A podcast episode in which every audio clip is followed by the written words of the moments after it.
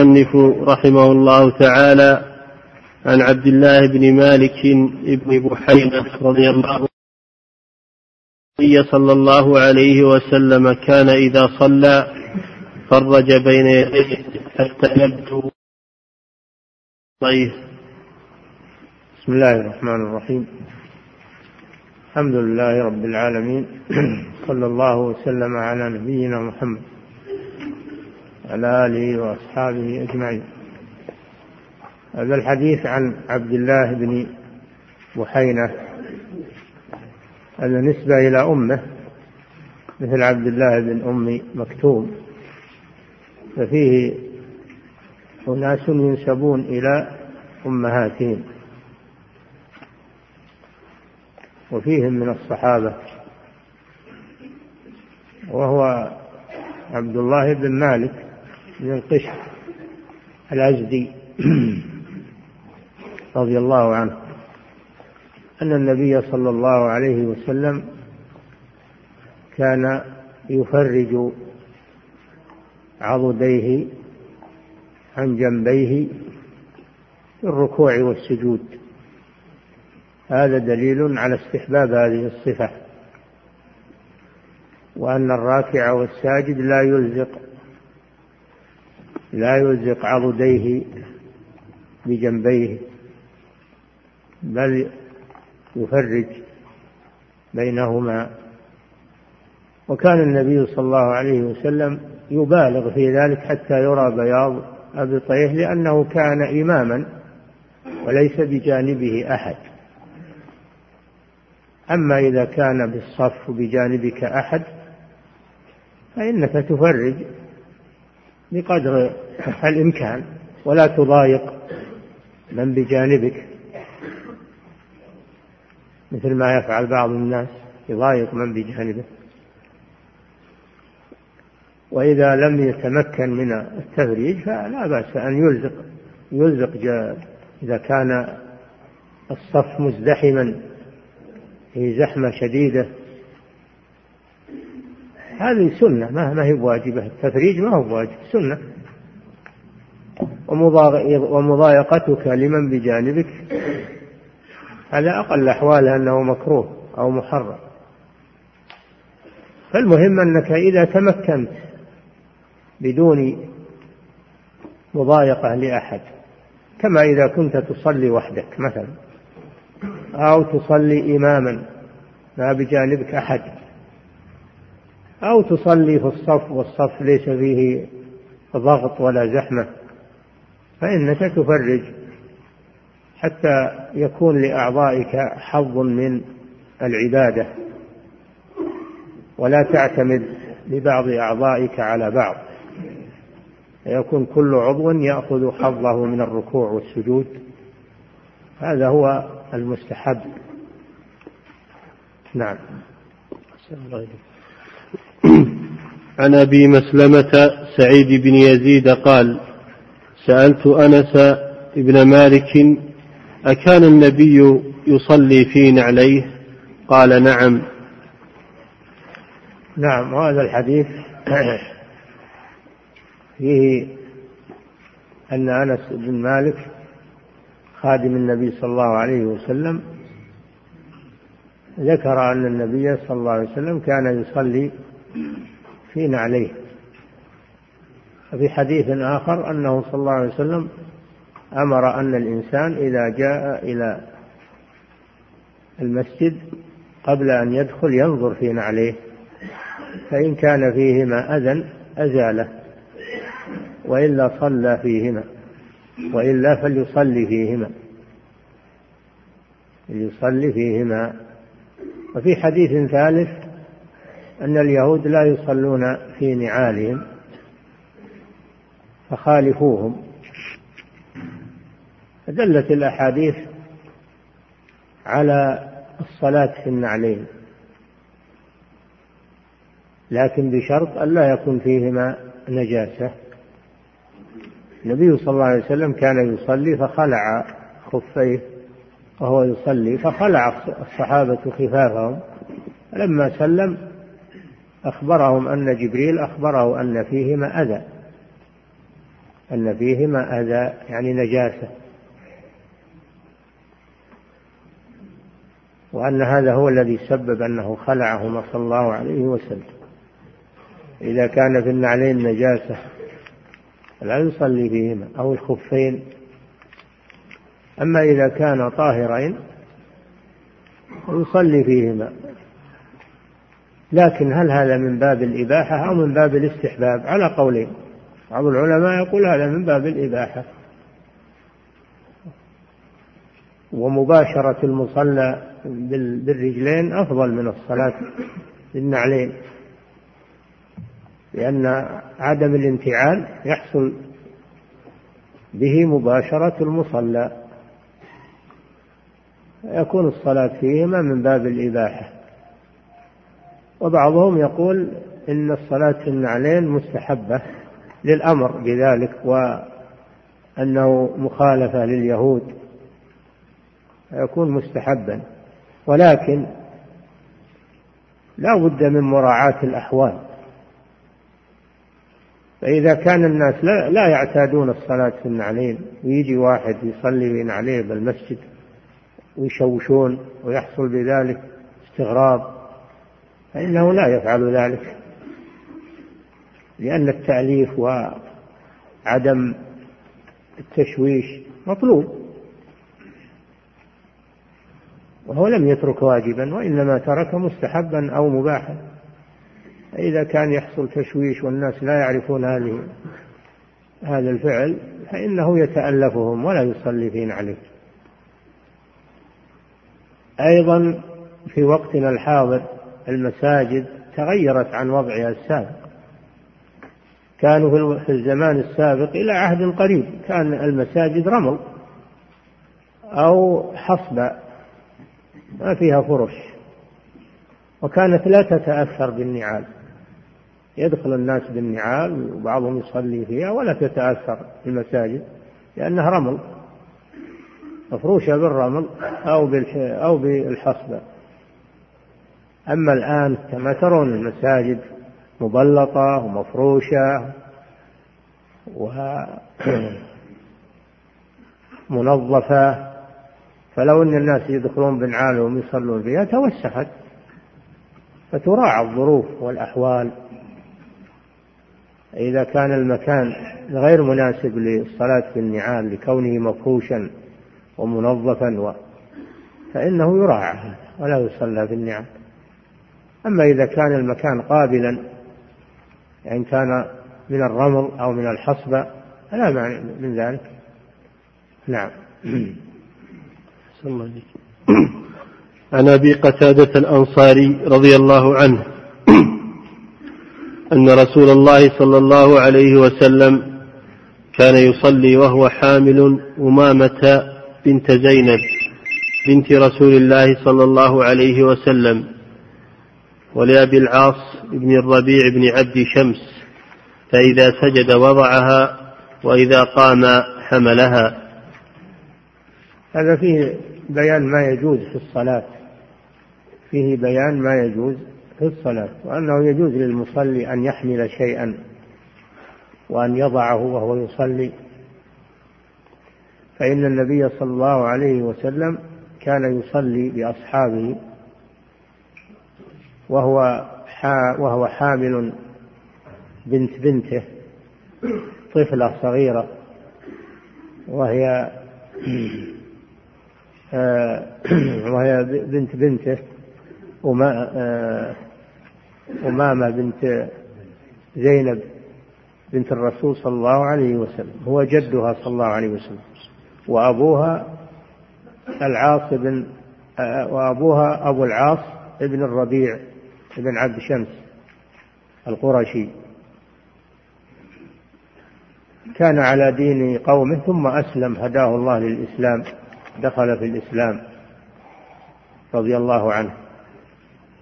الحديث فيه دليل على أنه لا بأس أن الإنسان يحمل الشيء ويضعه وهو يصلي يحمل الطفل أو الطفل لا سيما إذا كان هذا الطفل يبكي أو أو أو يستوحش فيأخذه معه من أجل أن يستأنس ولا يبكي. وفيه تواضعه صلى الله عليه وسلم. فيه تواضعه وحسن خلقه عليه الصلاة والسلام. حتى مع الصغار والأطفال. الشاهد منها أن أنه يجوز للمصلي أن يحمل الطفل أو الطفلة في أثناء الصلاة وأن يضع يضعها وأن يرفعها وهو يصلي. هذا مما يجوز في الصلاة. نعم. عن أنس بن مالك رضي الله عنه عن النبي صلى الله عليه وسلم قال قالوا وفيه أيضا دخول الصبيان في المساجد فيه جواز دخول الصبيان. في المساجد إذا ضبطوا ولم يحصل منهم لم يحصل منهم أذى للمسجد أو للمصلين يجوز دخولهم في المساجد وأن يكونوا مع أوليائهم. إذا ضبطوهم لا مانع من ذلك لأن أمامة بنت زينب دخل بها النبي صلى الله عليه وسلم المسجد. نعم. عن انس بن مالك رضي الله عنه عن النبي صلى الله عليه وسلم قال اعتدلوا في السجود ولا يبسط أحدكم ذراعيه انبساط الكلب. نعم هذا كما سبق فيه الأمر بالاعتدال في السجود. إذا سجد الإنسان يعتدل بأن يرفع أعضاءه يسجد على الأعضاء السبعة كما سبق ويرفع يديه ولا يبسطهما على الأرض كبسط الكلب ذراعيه لأن هذا من التشبه بالحيوانات. قد نهينا عن التشبه بالحيوانات في صلاتنا. يرفع ذراعيه كما سبق. أنه نهي عن التفات كالتفات الثعلب وعن بروك كبروك البعير وعن نقر كنقر الغراب وعن افتراش كافتراش الكلب. سبعة أشياء ذكرها بعض العلماء مجموعة من الأحاديث كلها فيها النهي عن التشبه بالحيوانات في الصلاة. نعم. باب وجوب الطمأنينة في الركوع والسجود. طمأنينة هي السكون. طمأنينة هي السكون وانقطاع الحركة وعدم السرعة في الصلاة عدم السرعة والنقر في الصلاة. هذه هي الطمأنينة وهي ركن من أركان الصلاة. وتجب في جميع الصلاة في حال القيام وحال الركوع وحال السجود وحال الجلسة بين السجدتين. طمأنينة ركن من أركان الصلاة. لو تركها لم تصح صلاته وهو الذي ينقر الصلاة. ويخففها تخفيفا مخلا ولا يطمئن فيها. نعم. عن أبي هريرة رضي الله عنه أن رسول الله صلى الله عليه وسلم دخل المسجد فدخل رجل فصلى ثم جاء فسلم على النبي صلى الله عليه وسلم فرد النبي صلى الله عليه وسلم السلام فقال ارجع فصل فإنك لم تصلي. فرجع الرجل فصلى كما كان صلى. ثم جاء فسلم على النبي صلى الله عليه وسلم. فقال رسول الله صلى الله عليه وسلم وعليك السلام. ثم قال ارجع فصلي فإنك لم تصلي. ثلاثا فقال الرجل والذي بعثك بالحق ما أحسن غيره فعلمني. فقال صلى الله عليه وسلم إذا قمت إلى الصلاة فكبر ثم اقرأ ما تيسر معك من القرآن ثم اركع حتى تطمئن راكعا ثم ارفع حتى تعتدل قائما ثم اسجد حتى تطمئن ساجدا. ثم ارفع حتى تطمئن جالسا ثم افعل ذلك في صلاتك كلها. نعم هذا حديث المسيء في صلاته وهو الحديث المشهور عند العلماء. يسمونه حديث المسيء في صلاته. دخل هذا الرجل والنبي صلى الله عليه وسلم جالس في المسجد فهذا فيه مشروعية الجلوس في المساجد لذكر الله عز وجل ولطلب العلم والتعليم وكان وكان أصحابه حوله كان أصحابه حوله جالسين يتلقون منه العلم. فدخل هذا الرجل وصلى. ثم جاء وسلم على النبي صلى الله عليه وسلم. دخل الرجل وصلى هذا فيه دليل على أن من دخل المسجد وهو يريد الجلوس أنه لا يجلس حتى يصلي ركعتين كما قال صلى الله عليه وسلم إذا دخل أحدكم المسجد فلا يجلس حتى يصلي ركعتين. تحية المسجد. فسلم على النبي صلى الله عليه وسلم هذا فيه مشروعية السلام. على الجالسين وعلى الماشين وعلى إفشاء السلام هذا من أعظم شعائر الإسلام. وهو يزيل البغضاء من النفوس ويزيل الأحقاد وله آثار طيبة. قال صلى الله عليه وسلم لا تدخلوا الجنة حتى تؤمنوا ولا تؤمنوا حتى تحابوا. ألا أدلكم على شيء؟ إذا فعلتموه تحاببتم أفشوا السلام بينكم. فالسلام كلمة طيبة تورث المحبة بين الناس وتنزع البغضاء أنك إذا سلمت على أخيك فإنه يطمئن إليك ويفرح بك ويحبك. خلاف ما إذا لم تسلم عليه فإنه يكون في نفسه شيء.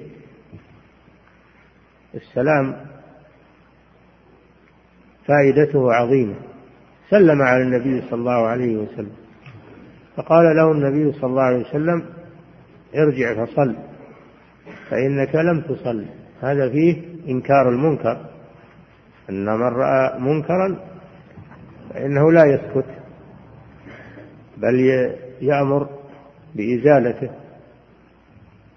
وفيه تعليم العلم تعليم الجاهل. فإذا رأيت على إنسان قصورا في عبادته فإنك تنبهه على ذلك ولا تسكت تقول تقول ما علي منه ذنبه على جنبه كما يقولون. لا ما يجوز هذا. أنك ترى واحد من إخوانك على خلل في دينه ولا تعلمه. لكن لا ت... لا تعلمه بطريقة منفرة أو تقول له أنت ما تحسن أنت جاهل أو ما أشبه ذلك من الألفاظ النابية بل بلطف. بلطف. النبي صلى الله عليه وسلم قال له صل فإنك لم تصل. قال له أنت ما تحسن أنت جاهل أنت كذا أنت كذا. صل فإنك لم تصل. كلمة طيبة. ثم ذهب عاد وصلى. ثم جاء وسلم على النبي صلى الله عليه وسلم. فرد عليه السلام. هذا فيه مشروعية رد السلام. ولو تكرر.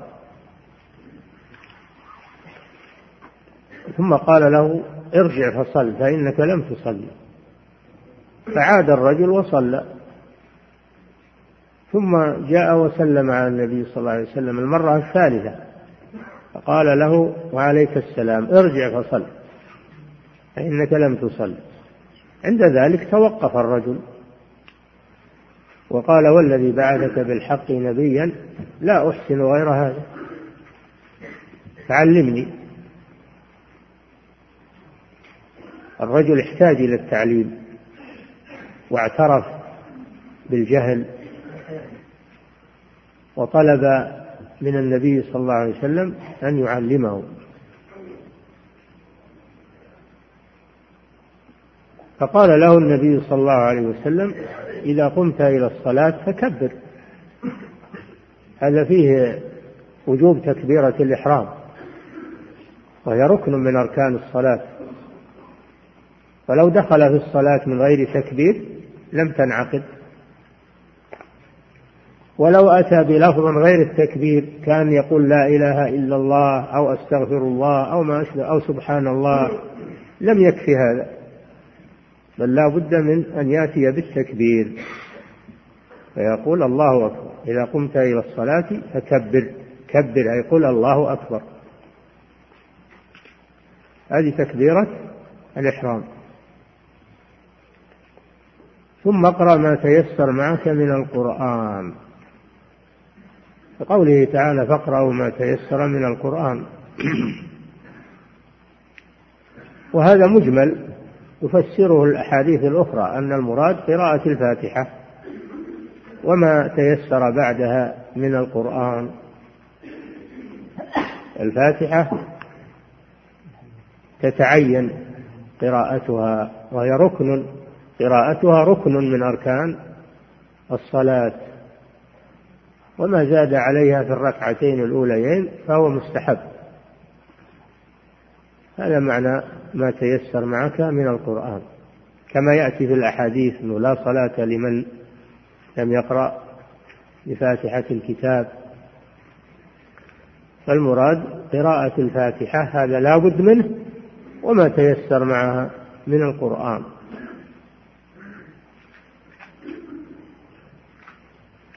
وقراءة الفاتحة ركن من أركان الصلاة. في حق الإمام وفي حق المنفرد هذا بالإجماع.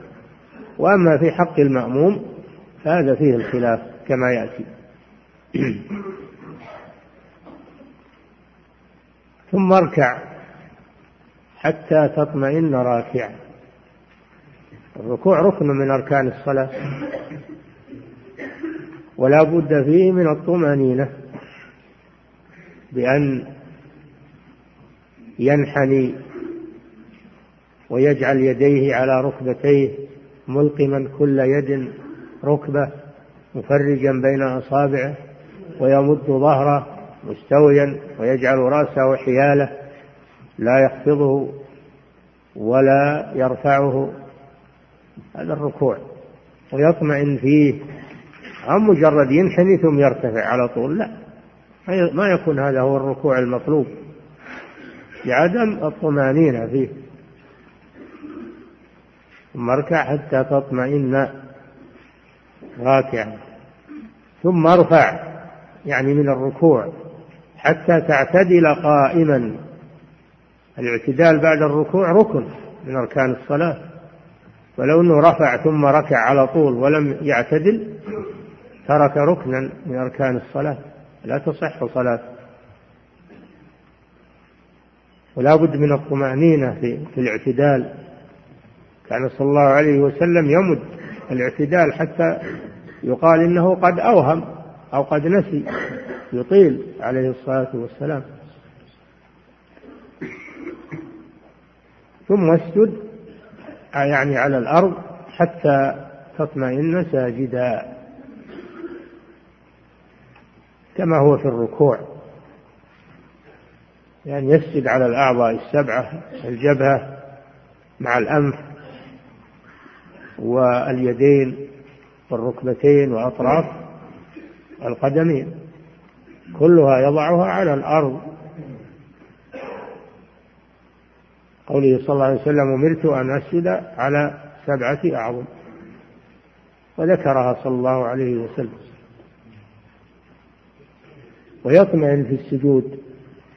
هو إذا وصل الأرض ارتفع لا يبقى ساجدا ويقول سبحان ربي الأعلى يكرر ويدعو. ثم ارفع حتى تعتدل جالسا يعني بين السجدتين. والاعتدال بين السجدتين ركن من أركان الصلاة. ويطمئن فيه فلا.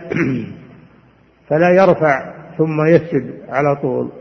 ترك ركنا إذا رفع من السجود ثم سجد مرة سجد الثاني على طول ولم يعتدل جالسا فإنه لا تصح صلاته لأنه ترك ركنا بل ترك ركنين ترك ركنين ركن الاعتدال وركن الطمانينة بين السجدتين. ثم قال له صلى الله عليه وسلم ثم افعل ذلك في صلاتك كلها يعني في بقية الصلاة. الركعة الثانية مثل الأولى والثالثة والرابعة كلها على هذا النمط. فدل هذا الحديث على وجوب الطمأنينة في الصلاة وأن نقر الصلاة يبطلها. لأنه صلى الله عليه وسلم قال صل فإنك لم تصلي. صل فإنك لم تصلي. فدل على أن نقر الصلاة يبطلها ولا تصح. فلا بد من الطمأنينة في جميع الأركان. كما وصى كما وصى بذلك النبي صلى الله عليه وسلم. وهذا تعليم لهذا الرجل ولغيره من من الأمة إلى أن تقوم الساعة. قالوا وهذا الحديث اقتصر فيه النبي صلى الله عليه وسلم على اقتصر فيه صلى الله عليه وسلم على الواجبات في الصلاة. وهناك أشياء مستحبة ومشروعة لكنها مكملات. ما يأتي في الأحاديث الأخرى من صفات للصلاة فإنها زيادات مكملة. وهذا الحديث فيه بيان الصلاة المجزئة. بيان الصلاة المجزئة. فالعلماء اعتمدوه اعتمدوا هذا الحديث على أنه بيان للصلاة المجزئة الصحيحة. وأن ما زاد على ما ذكر فيه فهو من المكملات. وقد يكون التكميل واجبا وقد يكون مستحبا. وفيه حسن خلقه صلى الله عليه وسلم وتعليمه للناس وأنه يعلمهم بالحكمة والرفق وفيه مشروعية السلام ورد السلام وفيه تكرار السلام إذا حصل فاصل إذا حصل فاصل بين السلامين من صلاة أو افتراق أو غير ذلك يكرر السلام كما كرره هذا الرجل وكرر النبي صلى الله عليه وسلم الرد عليه. وكل ما كثر السلام فهو أفضل لأن هذا من إفشاء السلام. والنبي صلى الله عليه وسلم يقول أفشوا السلام بينكم.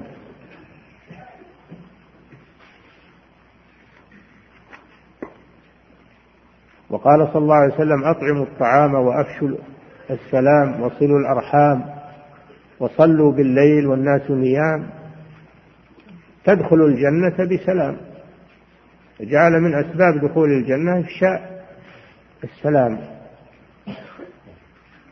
فالسلام له تأثير عجيب في المسلمين بين المسلمين وتركه يسبب نفرة ويسبب لأنه لو لقيك واحد ولا سلم عليك صار في نفسك عليه.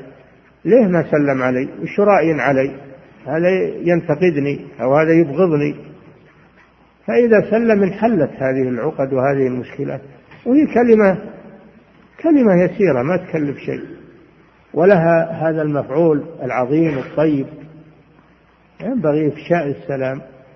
ومن سلم عليه يجب عليه الرد. الابتداء بالسلام سنة ورده واجب. قال جل وعلا وإذا حييتم بتحية فحيوا بأحسن منها أو ردوها. إن الله كان على كل شيء حسيبا. نعم. باب القراءة في الصلاة. حتى الكافر إذا سلم عليك ترد عليه. قال صلى الله عليه وسلم لا تبدأ اليهود والنصارى بالسلام وإذا سلموا فقولوا وعليكم يرد عليه فكيف بالمسلم؟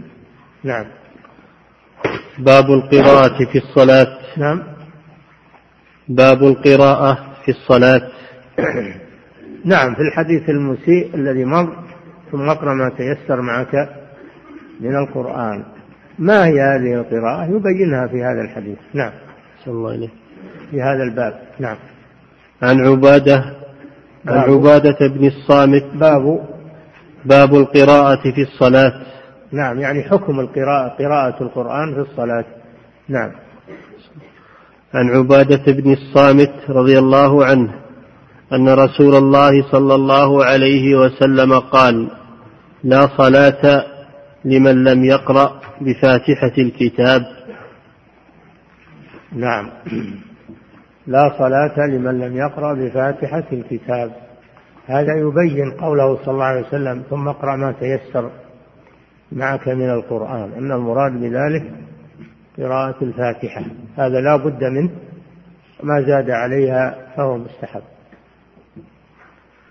لا صلاة لمن لم يقرأ بفاتحة الكتاب. وفاتحة الكتاب هي الحمد لله رب العالمين إلى آخرها.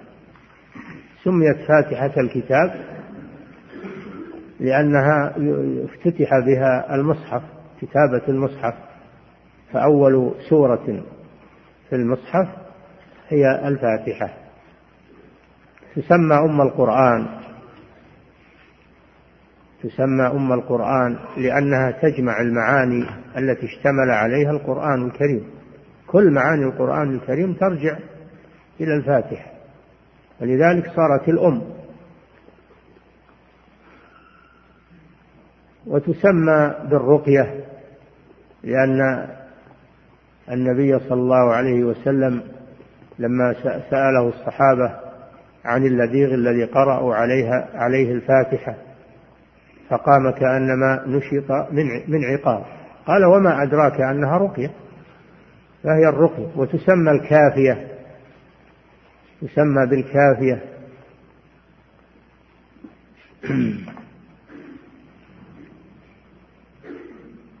ولها أسماء كثيرة تدل على عظمتها وهي أفضل سورة في القرآن. هي أفضل سورة في القرآن. وأفضل آية أو أعظم آية في القرآن آية الكرسي. أعظم سورة هي سورة الفاتحة. وأعظم آية هي آية الكرسي.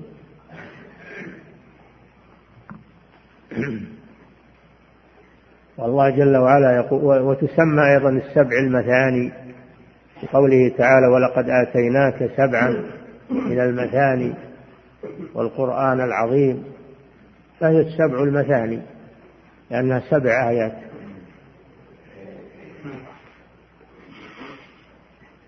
والنبي صلى الله عليه وسلم في هذا الحديث يقول لا صلاة لا صلاة أي لا تصح صلاة.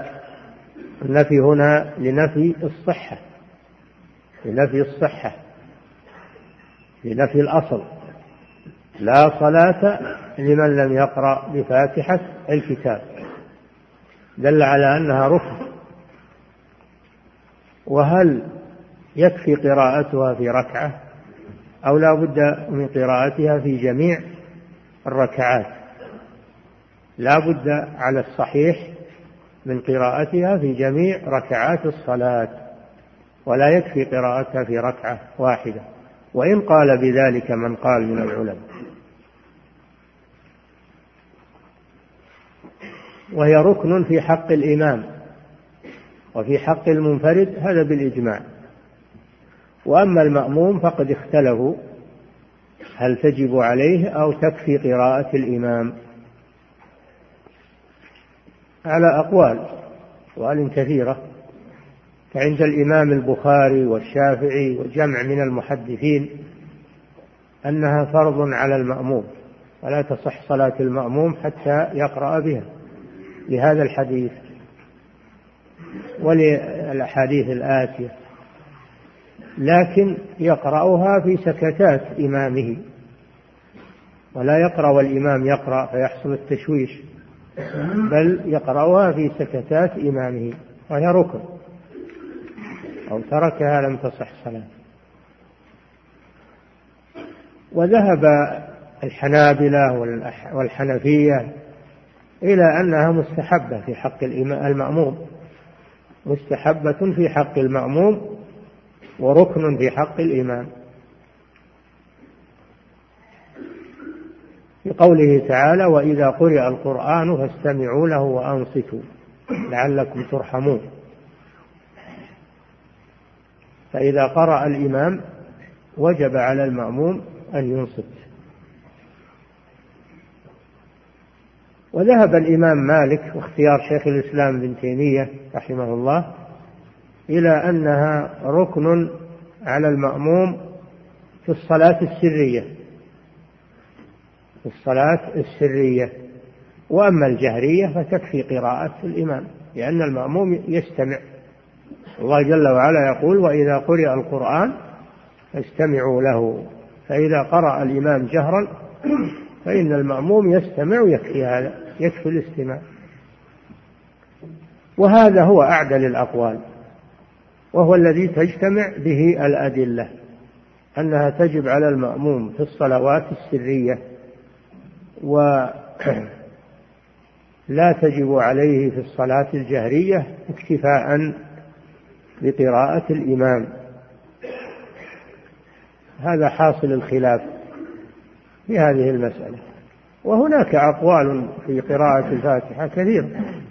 منهم من يرى أن قراءتها مستحبة مطلقة ومنهم من يرى أن لا أن الصلاة تصح بدونها الخلاف كثير. لكن هذا هذه الأقوال الثلاثة هي أشهر الأقوال. نعم. الله عن أبي قتادة الأنصاري رضي الله عنه قال كان رسول الله صلى الله عليه وسلم يقرأ في الركعتين الأوليين من صلاة الظهر بفاتحة الكتاب وسورتين. يطوف يطول في الأولى ويقصر في الثانية. وفي الركعتين الأخريين بأم الكتاب. وكان يطول في الركعة الأولى في صلاة الصبح ويقصر في الثانية. هذا الحديث اشتمل على مسائل. أولا فيه مشروعية قراءة شيء من القرآن بعد الفاتحة. قراءة شيء من القرآن بعد الفاتحة. في الركعتين الأوليين من من الظهر من العصر من المغرب من العشاء صلاة الفجر. فيقرأ بعد الفاتحة بشيء من القرآن. وأما في بقية الصلاة الركعة الثالثة أو الثالثة والرابعة في الثلاثية أو في الرباعية فإنه يقتصر على الفاتحة هذه المسألة الثانية. المسألة الثانية أنه في بقية الصلاة وهي الركعة الثالثة في الثلاثية أو الثالثة والرابعة في الرباعية يقتصر على الفاتحة ولا يقرأ شيئا بعدها وهذا ما عليه جمهور أهل العلم سلفا وخلفا. هناك من يرى أنه يقرأ بعد الفاتحة حتى في الركعتين الأخيرتين ولكن مذهب الجمهور وهو الذي يدل عليه الدليل أنه لا يشرع. المسألة الثالثة أو المسألة الثانية المسألة الثانية الحديث أن الصلاة يطول في أولها في الركعة الأولى تطول من الظهر من العصر من المغرب من العشاء من الفجر تطول الركعة الأولى ويزاد فيها بالقراءة. وأما في الركعة الثانية فتكون أخف أخف من الأولى. هكذا صلاة النبي صلى الله عليه وسلم. كان يطيل في الأولى من الظهرين والمغرب والعشاء والفجر ويخفف في بقية الصلاة. هذا هو السنة الثابتة عن الرسول صلى الله عليه وسلم. نعم. عن جبير بن مطعم رضي الله عنه قال سمعت النبي صلى الله عليه وسلم يقرأ في المغرب بالطور. نعم عرفنا أنه يقرأ بعد الفاتحة في الصلوات.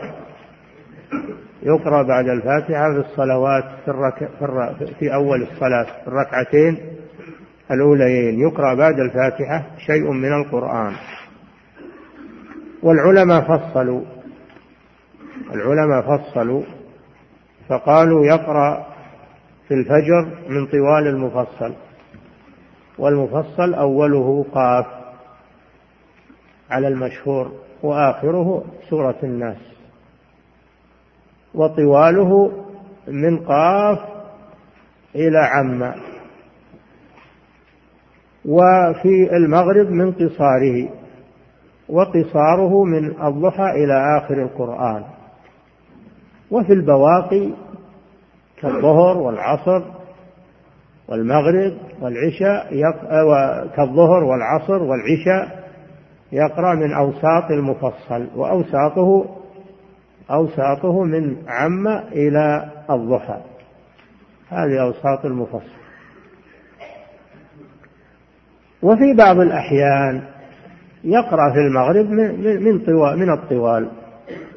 ثبت أنه صلى الله عليه وسلم قرأ بالطور كما في حديث جبير بن مطعم رضي الله عنه هذا الذي سمعته قرأ في المغرب بالطور. وقرأ مرة بالمرسلات وقرأ مرة ب قرأ مرة بسورة ألف لام ميم صاد. كاملة. قرأها كاملة. لكن هذا في بعض الأحيان ما هو دائما. الغالب أنه في المغرب يقرأ بقصار المفصل وقد يقرأ أحيانا بطوال بسور طوال في المغرب. لكن هذا ليس هو أليس هذا هو الصفة الدائمة منه صلى الله عليه وسلم. قرأ في الطور في المغرب وقرأ في المرسلات وقرأ في الأعراف. لكن هذه أحوال غير كثيرة. فإذا فعل الإمام ذلك بعض الأحيان لا بأس. ولم يشق على المأمومين. والقراءات تختلف. من الناس من لو قرأ القرآن كله ما تمل من قراءته.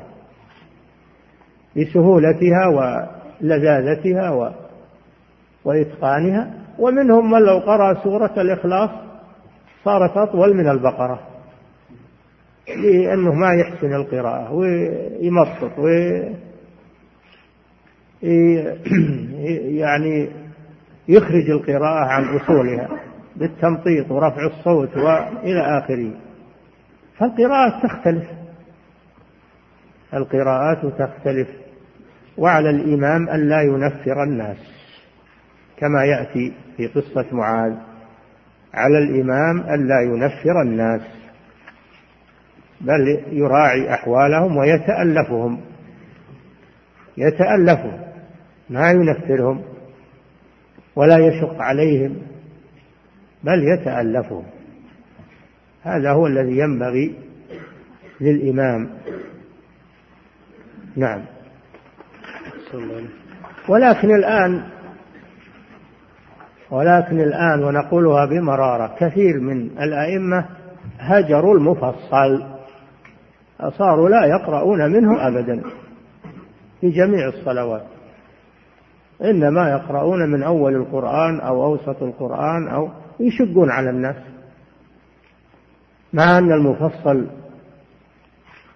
آياته آياته خفيفة يعني قصيرة الفواصل وفيها التوحيد والعقيدة لأنها نزلت في مكة لأن المفصل نزل في مكة. والذي نزل في مكة السور المكية تعتني بالعقيدة والنهي عن الشرك والأمر بالتوحيد. ولكن كثيرا من الأئمة اليوم وخصوصا حدثاء الأسنان تجنبوا القراءة من المفصل. أبدا. لماذا؟ لأن الأولين يقرون بالمفصل وهم يحبون يخالفون الأولين. هذه مصيبة يعني. هذه مصيبة. إنهم يتجنبون القرآن علشان الأولين. ما يصلح الكلام هذا. الإنسان يعمل بالسنة. يعمل بالسنة. ولا يحمله أنه يحتقر الأولين أو العلماء على أنه يخالفهم هذا شر. هذا يدل على شر. اللي ينفر من العلماء ومن أعمالهم ومن بل ينفر من السنة علشان العلماء وعلشان علشان الأولين ينفر من السنة. لا حول ولا قوة إلا بالله. هذه ما هي بعلامة خير. فنحن ننبه على هذا. إنه ما ينبغي هذا العمل وهجر المفصل وأنه ما يقرأ منه في الصلاة. نعم. الله عن البراء بن عازب رضي الله عنهما أن النبي صلى الله عليه وسلم كان في سفر فصلى العشاء الآخرة فقرأ في إحدى الركعتين بالتين والزيتون. فما سمعت أحدا أحسن صوتا أو قراءة منه صلى الله عليه وسلم. نعم هذا فيه أنه في السفر يخفف القراءة عليه الصلاة والسلام. آه، يقرأ بالتين والزيتون في السفر. وفي حديث آخر قرأ بسورة الزلزلة. فكان في السفر يخفف القراءة لأن السفر كما تعلمون يحتاج إلى التخفيف ولذلك تقصر فيه الصلاة تخفيفا عن المسافر. فهذا الحديث فيه أن أن الصلاة في السفر تختصر فيها القراءة ولا تطول لأن النبي صلى الله عليه وسلم قرأ بالتين والزيتون وفيه تحسين الصوت بالتلاوة. ما سمعت صوتا أحسن من قراءة الرسول صلى الله عليه وسلم. ففيه إن, تحسين الصوت بالقراءة مطلوب. وحسن الأداء مطلوب لأن هذا يشوق إلى القرآن ويلذذ السامعين بالقرآن. فيحسن القارئ صوته وليس المراد بتحسين الصوت التمطيط و التكلف في القراءة. ما هو هذا هو المطلوب؟ المطلوب تحسين الصوت بأن يكون الأداء حسنا وبصوت حسن يحسن صوته به. قال صلى الله عليه وسلم ليس منا.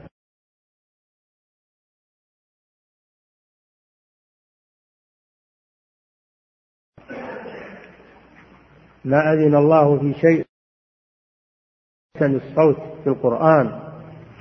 ف تحسين الصوت بالقرآن أمر مطلوب. وليس المراد التكلف والمد الزايد وتكرار الآيات بعضهم يمد لما ينقطع أنفسه. ثم يعود ويجيب الآية مرة ثانية لأنه انقطع أنفسه ولا كملها. فيشق على المأمومين ويشق على نفسه. فيقرأ قراءة معتدلة. لا هل سرعة ولا تمطيط وإنما تكون قراءة معتدلة متوسطة. كان صلى الله عليه وسلم يقرأ قراءة مفسرة يقف على رؤوس الآيات عليه الصلاة والسلام ويقرأ قراءة مفسرة ويمد. لكن المبالغة يمد الرحمن والرحيم حد المبالغة كما يفعل بعض الإخوان.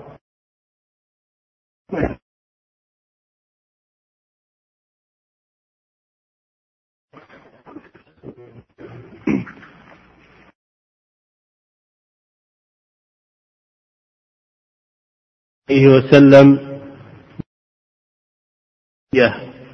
فكان يقرأ لأصحابه في صلاتهم فيختم بقل هو الله أحد. فلما رجعوا ذكروا ذلك لرسول الله فقال سألوا ذلك فسألوه فقال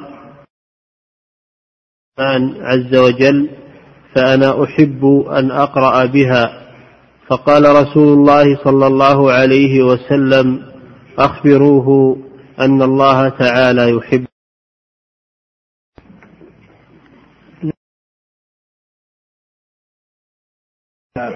الأمير على السرير الذي أمره النبي صلى الله عليه وسلم كان يصلي بهم كان يصلي بهم كما هو المعروف أن الأمير هو اللي يصلي بمن معه. وكان يقرأ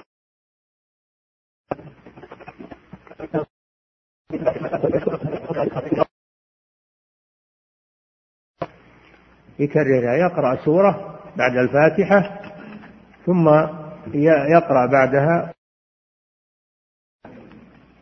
فتعجب الصحابة من هذا العمل. بل صبروا إلى أن جاءوا إلى الرسول صلى الله عليه وسلم فأخبروه. فقال لهم صلى الله عليه وسلم سلوه لما يصنع هذا؟ فقال لأنها أي سورة الإخلاص صفة الرحمن. صفة الرحمن. لأن الله وصف فيها نفسه بصفات الكمال ونزه نفسه عن صفات النقص فهي مشتملة على النفي والإثبات. قل هو الله أحد هذا إثبات. الله الصمد هذا إثبات. لم يلد ولم يولد ولم يكن له كفوا أحد هذا نفي.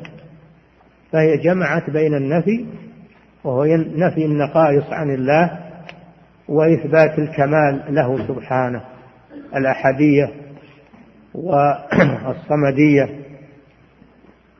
قل هو الله أحد الله الصمد. صفات كمال. وهي خالصة في التوحيد خالصة في التوحيد. ولذلك قال النبي صلى الله عليه وسلم إنها تعدل ثلث القرآن. تعدل ثلث القرآن. لأن القرآن على ثلاثة أقسام إما توحيد وإما أحكام وإما أخبار. أخبار عن الله وعن الرسل وعن الأمم وعن ما يأتي في المستقبل. القرآن ثلاثة أقسام إما أحكام شرعية الحلال والحرام وإما توحيد والنهي عن الشرك وإما أخبار عن الماضي والمستقبل وعن الله وعن الغيب عن أمور الغيب. يخبر الله جل وعلا فيها عن أمور الغيب. فسورة الإخلاص أخذت القسم الثالث وهو التوحيد. فصارت تعدل ثلث القرآن في الفضل في فضلها. تعدل ثلث القرآن في فضلها. وقد كتب شيخ الإسلام ابن تيمية رحمه الله مؤلفا كبيرا اسمه جواب أهل العلم والإيمان أن أن سورة الفاتحة تعدل ثلث القرآن. وبين فيها رحمه الله فضائل هذه السورة ولماذا عدلت سورة القرآن؟ عدلت ثلث القرآن. فهذا الرجل كان يحبها ويكررها. فهذا فيه دليل على مسائل. المسألة الأولى قالوا فيه جواز واحدة. سورتين في ركعة واحدة بعد الفاتحة. يجوز أن تقرأ بعد الفاتحة بسورتين مثل ما فعل هذا الرجل. هذه واحدة. الثانية فيه دليل على فضل سورة الإخلاص وأن حبها أن هذا الرجل لما أحبها أحبه الله. وفي الحديث الآخر قال صلى الله عليه وسلم إن حبك إياها أدخلك الجنة. فهذا فيه فضل سورة الإخلاص وسميت بالإخلاص لأنها أخلصت للتوحيد.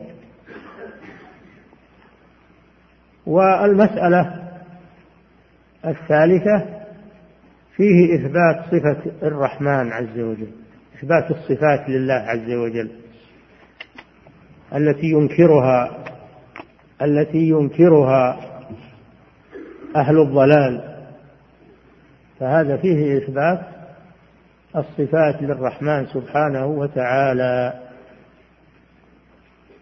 وإثبات الأسماء له جل وعلا وهو ما ينكره أهل الضلال من الجهمية والمعتزلة وأضرابهم. نعم. عن جابر رضي الله عنه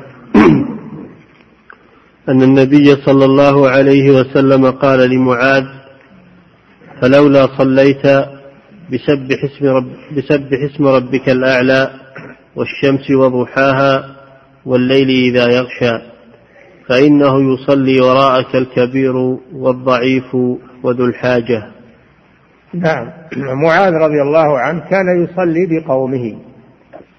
معاذ الصحابي الجليل العالم الزاهد التقي الذي هو أفضل علماء الصحابة رضي الله عنه كان يصلي بأصحابه وكان يحب القرآن ويحب تلاوة القرآن. ولكنه من محبته لتلاوة القرآن كان يطيل القراءة في الصلاة شق عليهم. وذلك أنه في صلاة العشاء قرأ بسورة البقرة. صلاة العشاء وجاء رجل معه نواضحه أي الإبل التي يثني عليها فأوقفها وجاء ودخل في الصلاة. فلما رأى أن معاذا يستمر في القراءة خشي على نواضحه أن تضيع فنوى الانفراد انفرد وأكمل صلاته وسلم ثم ذهب إلى نواضحه. فلما بلغ معاذا رضي الله عنه أنكر عليه. وبلغ ذلك النبي صلى الله عليه وسلم فاستدعى معاذا ووبخه مع فضله ومكانته وبخه النبي صلى الله عليه وسلم وأنكر عليه. وقال أفتان أنت يا معاذ؟ وفي رواية أخرى إن منكم لمنفرين. أيكم أما الناس فليخفف. فإن فيهم الكبير والضعيف وذا الحاجة فإذا صلى لنفسه فليطول ما شاء. فهذا فيه دليل على أن الإمام يراعي أحوال المأمومين ولا يشق عليهم بل يتوسط. ويراعي أضعف يعتبر الأضعاف. شوف مسألة مهمة أن الإمام يعتبر الأضعف ممن وراءه. ولو كان واحدا. ما يشق عليهم علشان الضعيف هذا. النبي صلى الله عليه وسلم كان يحب أن يطيل الصلاة فإذا سمع بكاء الصبي خفف الصلاة رحمة بأمة. فالرسول يراعي أضعف الناس وكذلك الإمام يجب أن يراعي أضعف الناس الذين يصلون خلفه ولا يراعي الأقوياء. ما يراعي الأقوياء يراعي الضعفاء. فإن فإن فإنه يصلي وراءك الكبير والضعيف وذا الحاجة. الدين يسر ولله الحمد. لا إفراط ولا ولا تفريط. النبي يرغب أن يطيل الصلاة لكن يخففها من أجل مراعاة أحوال المأمومين. رحمة بالأمة. إذا كان الإمام فيه خير ويحب القراءة وتطويل القراءة هذا شيء طيب لكن يعترض هذا أنه يشق على الناس ومشقة على الناس لا تجوز. فيراعي المأمومين. هناك من الإخوان الأئمة هداهم الله من يجتهد اجتهادات ويمشي على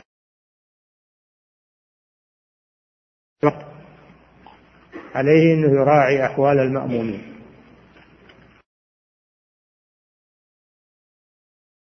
يقرأ فيها المفصل.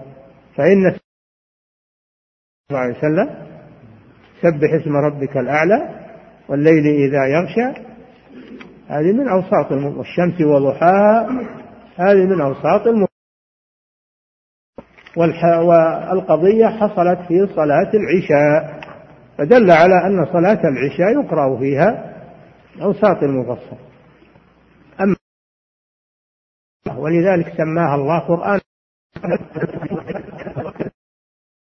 كان صلى الله عليه وسلم يقرأ بالستين ستين آية إلى المئة. يطيل الصلاة وكان يدخل فيها بغلس. وينصرف منها حين يعني قد أسفر النهار.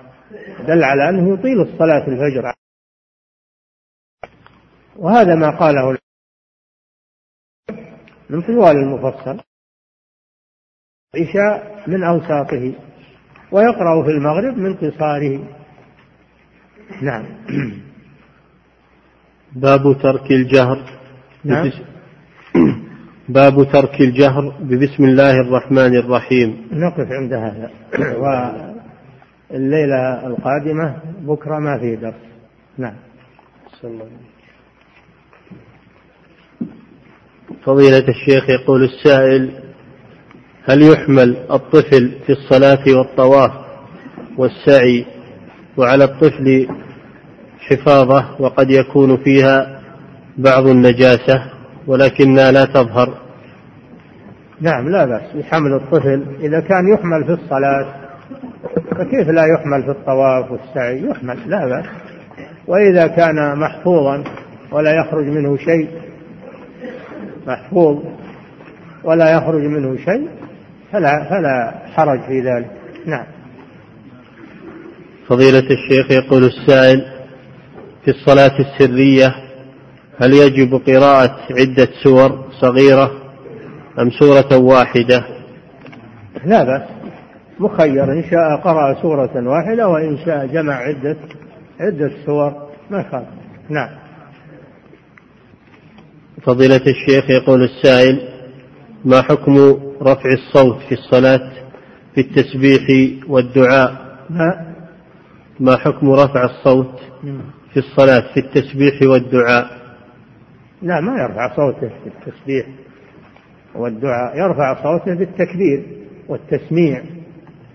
أما التسبيح في الركوع والسجود فيكون سرا كذلك الدعاء يكون سرا ما يجهر به.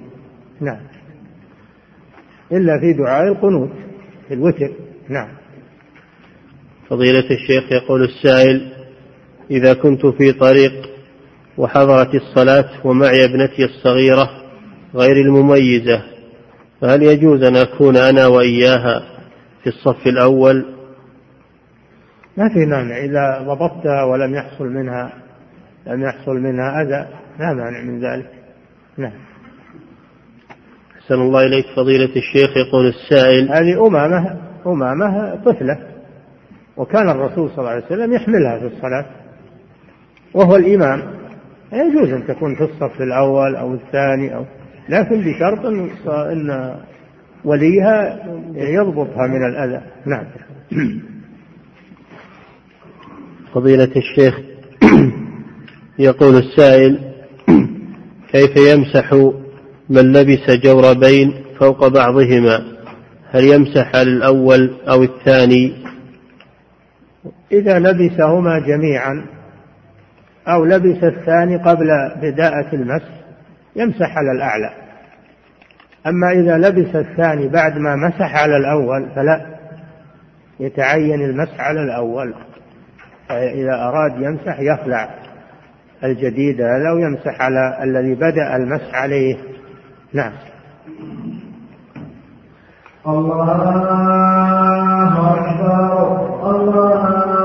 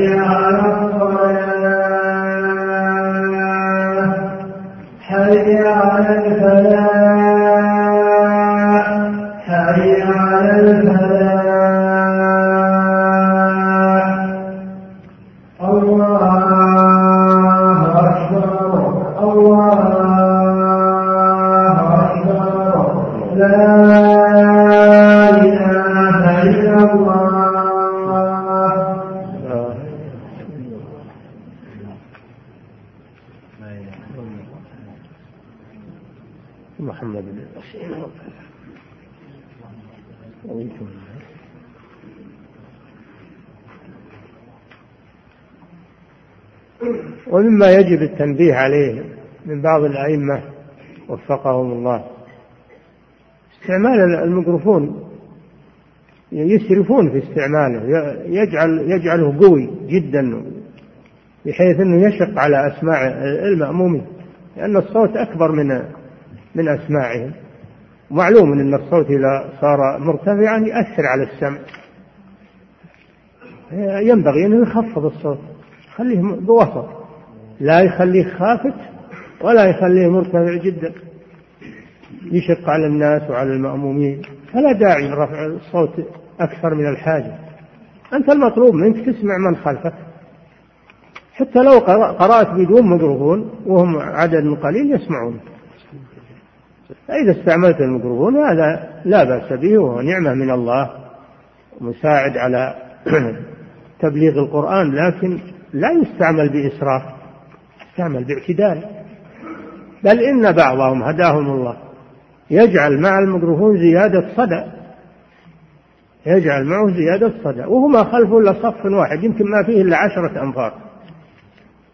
هذا معناه أنه يريد الطرب. ما هو يريد ما يصلح هذا. الصلاة ما هي بعبث. الصلاة عبادة. الصلاة طمأنينة وسكون وهدوء. ما يكون فيها أصوات مزعجة. نعم. أحسن الله إليك. فضيلة الشيخ يقول السائل هل يفهم من حديث عائشة رضي الله عنها استحباب قراءة سورة الإخلاص بعد قراءة ما تيسر من القرآن في الفريضة بدليل فعل الصحابي وإقرار النبي صلى الله عليه وسلم له؟ إذا كان هذا بمحبة لها مثل محبة هذا الصحابي فلا بأس. إذا كان أنه يجد في نفسه محبة لها وفهما لمعناها فلا بأس. نعم. فضيلة الشيخ يقول السائل أنا إمام مسجد وفي جماعتي بعض كبار السن فإذا قمت الصلاة وهو موجود خففت وإذا لم أره أطلت بدون مشقة مثل أن أقرأ بسورة عما في العشاء في الركعتين أو البروج في الركعة الأولى والطارق في الثانية فيتضايق بعض الجماعة من ذلك فيتضايق الجماعة من ذلك من فعلي. فهل فعلي فيه تنفير مع العلم أني أقرأ بترتيل مثل قراءة أئمة الحرمين؟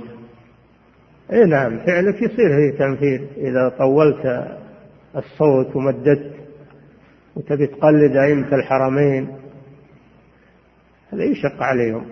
عليك بالاعتدال وعدم التنفير والقراءة المتوسطة اللي ما هي بهذ وهذرمة ولا هي بتمطيط. ولا تقلد أحد. وشو شو تقلد فلان وفلان؟ أنت أعطاك الله صوت وأعطاك معرفة بأحكام القراءة ولا هو بأحسن التقليد. تقليد الأصوات ما هو بأحسن تمثيلية تصير. صرت تقلد الصوت فلان هذه تمثيلية. أما إذا كنت تقتدي به في إتقان القراءة لا بأس. تقتدي به في إتقان القراءة وحسن الصوت هذا طيب. أما أنك تجيب مثل صوته ونبرته هذا يصير تمثيلي. نعم. فضيلة الشيخ يقول السائل ذكر بعض العلماء أن ما ورد في حديث المسيء ركن وهو المجزئ في الصلاة وما عداها فلا فلو أن المصلي ترك التسبيح في الركوع هل تجزئ صلاته؟ لا ما تجزي لأن التسبيح واجب. التسبيح والركوع والسجود واجب لأمر النبي صلى الله عليه وسلم به.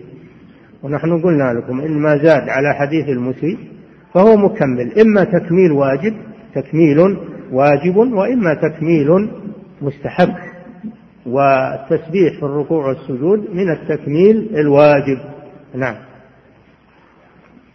فضيلة الشيخ يقول السائل هل يجوز لي في قيام الليل أن أقرأ أن أقرأ جهرا بصوت عالي؟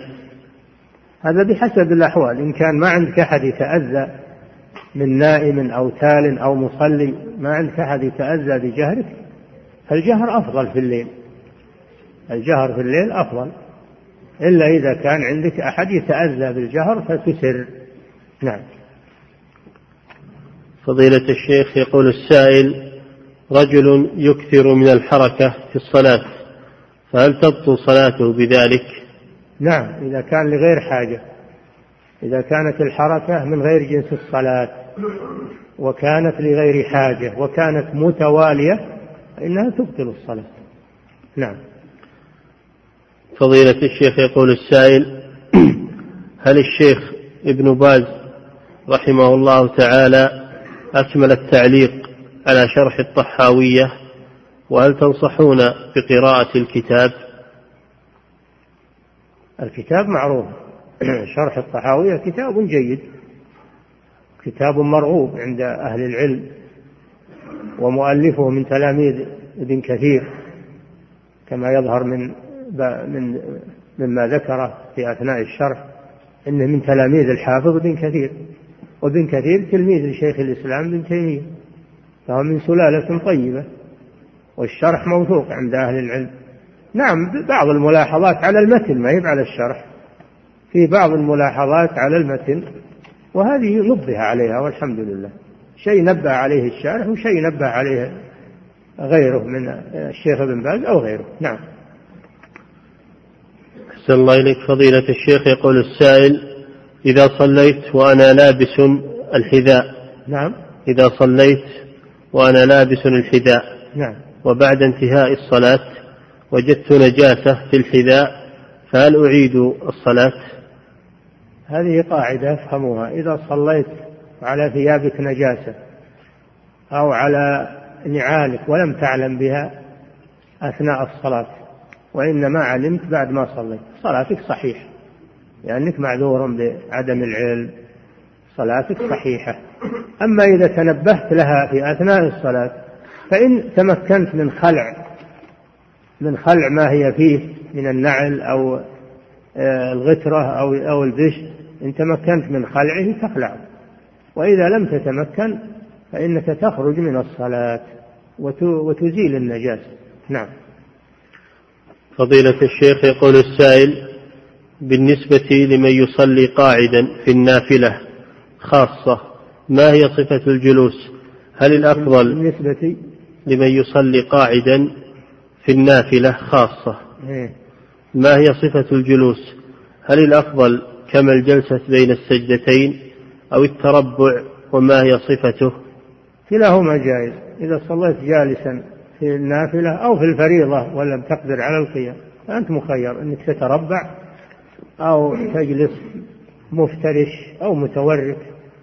المسألة بالخيار والحمد لله ما فيها تعين صفة معينة في الجلوس. نعم. صلي جالسا. النبي صلى الله عليه وسلم قال يصلي المريض جالسا ولم يبين كيف يجلس. دل على أنه يجوز على أي صفة نعم. أحسن الله إليك. يقول السائل نقل في بعض الجرائد المحلية عن أحد مسؤولي التربية والتعليم بأن حذف باب الولاء والبراء من المناهج. كان هذا بالاتفاق مع المشايخ والعلماء. فهل هذا الكلام صحيح؟ هذا كذب. هذا كذب وافتراء المشايخ والعلماء ينكرون هذا الشيء.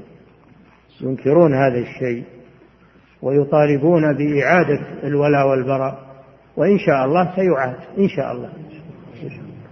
أما أنه يقول أنه باتفاق العلماء هذا كذاب. نعم. الله فضيلة الشيخ يقول السائل المسلمات في فرنسا منعن من ارتداء الحجاب. نعم. يقول المسلمات في فرنسا نعم. منعن من ارتداء الحجاب. فهل تنصحونهن بالهجرة مع ذويهن من هذه البلاد أم ماذا عليهم أفيدون مأجورين؟ حتى لو ما منعنا من الحجاب إذا كنا يقدرن على الهجرة الهجرة واجبة لا يجوز للإنسان يبقى في بلاد الكفار وهو يقدر على الهجرة لأن الله توعد الذين تركوا الهجرة وهم يقدرون عليها توعدهم بأشد الوعيد. نعم. أحسن الله إليك. فضيلة الشيخ يقول السائل رجل يقول لو كان الإمام أحمد في عهد بني إسرائيل لكان نبيا من أنبيائهم فما الرد على مثل هذا القول؟ هذا هذيان هذا هذيان من من مجنون. فلا يجوز هذا الكلام. هذا من الغلو هذا من الغلو والإطراء الذي لا يجوز. نعم. أحسن الله الإمام أحمد إمام جليل بلا شك وهو إمام أهل السنة وكبير المحدثين هذا لا شك فيه لكن ما يقال أنه يمكن يكون نبي. نعم. أحسن الله يعني هذا اقتراح على الله أنه يجعل الإمام أحمد نبي اقتراح على الله. الله أعلم حيث يجعل رسالته هو اللي يختار الرسل والأنبياء ولا يقترح عليه أحد. يقال هذا يصلح للنبوة. نعم. أحسن الله إليك فضيلة الشيخ. يقول السائل هل من أحب سورة الإخلاص منا يحبه الله عز وجل؟ إن شاء الله كما في الحديث أخبروه أن الله يحبه. لما بين أنه يحبها قال أخبروه أن الله يحب. الجزاء من جنس العمل. الجزاء من جنس العمل. فمن أحب الله وأحب صفاته وأحب أولياءه أحبه الله عز وجل. ومن اتبع الرسول صلى الله عليه وسلم أحبه الله. فاتبعوني يحببكم الله. فمحبة الله للعبد لها أسباب. نعم. فضيلة الشيخ يقول السائل هل للنساء هل للنساء التفريج بين اليدين في السجود؟ العلماء بعضهم يقول لا المرأة تنضم تضم نفسها لأنها عورة. وبعض العلماء يقول ما فيه مانع أنه تفعل هذا لأنه ما فيه دليل على أنها تختلف عن الرجل. ما فيه دليل على أنها تختلف عن الرجل. نعم. فضيلة الشيخ يقول السائل هل هل تجزئ تحية المسجد في الليل بركعة واحدة بدلا من ركعتين؟ لا. تحية المسجد ركعتان كما أمر النبي صلى الله عليه وسلم قم فصل ركعتين. نعم. فلا يجلس حتى يصلي ركعتين ولا نقتصر على ركعة واحدة. هذا في الوتر. هذا في الوتر أقله ركعة. نعم. وبعض العلماء يقول حتى النافلة تجزي بركعة واحدة. ولكن الأدلة من السنة تدل على أن أن الركعة الواحدة إنما تجزي في الوتر. نعم. أحسن الله إليك. يقول السائل هل للإمام إذا أقيمت الصلاة أن ينبه الناس بإطفاء هواتفهم الجوالة بعد أو قبل تسوية الصفوف بشكل دائم لما تحدثه من إزعاج أثناء الصلاة من رنين أو أنغام موسيقية محرمة؟ نعم الإمام ينبه المأمومين على كل ما فيه تشويش على المصلين أو فيه خلل حتى من غير الجوالات ينبههم على ذلك. يقول لهم استووا اعتدلوا آه، سدوا الفرج. إذا كان فيه أحد يشوش عليهم يقول له يقول لا تشوشون بكذا وكذا. نعم. عليكم السكينة. نعم. أنت تحصل الله الله تعالى أعلم صلى الله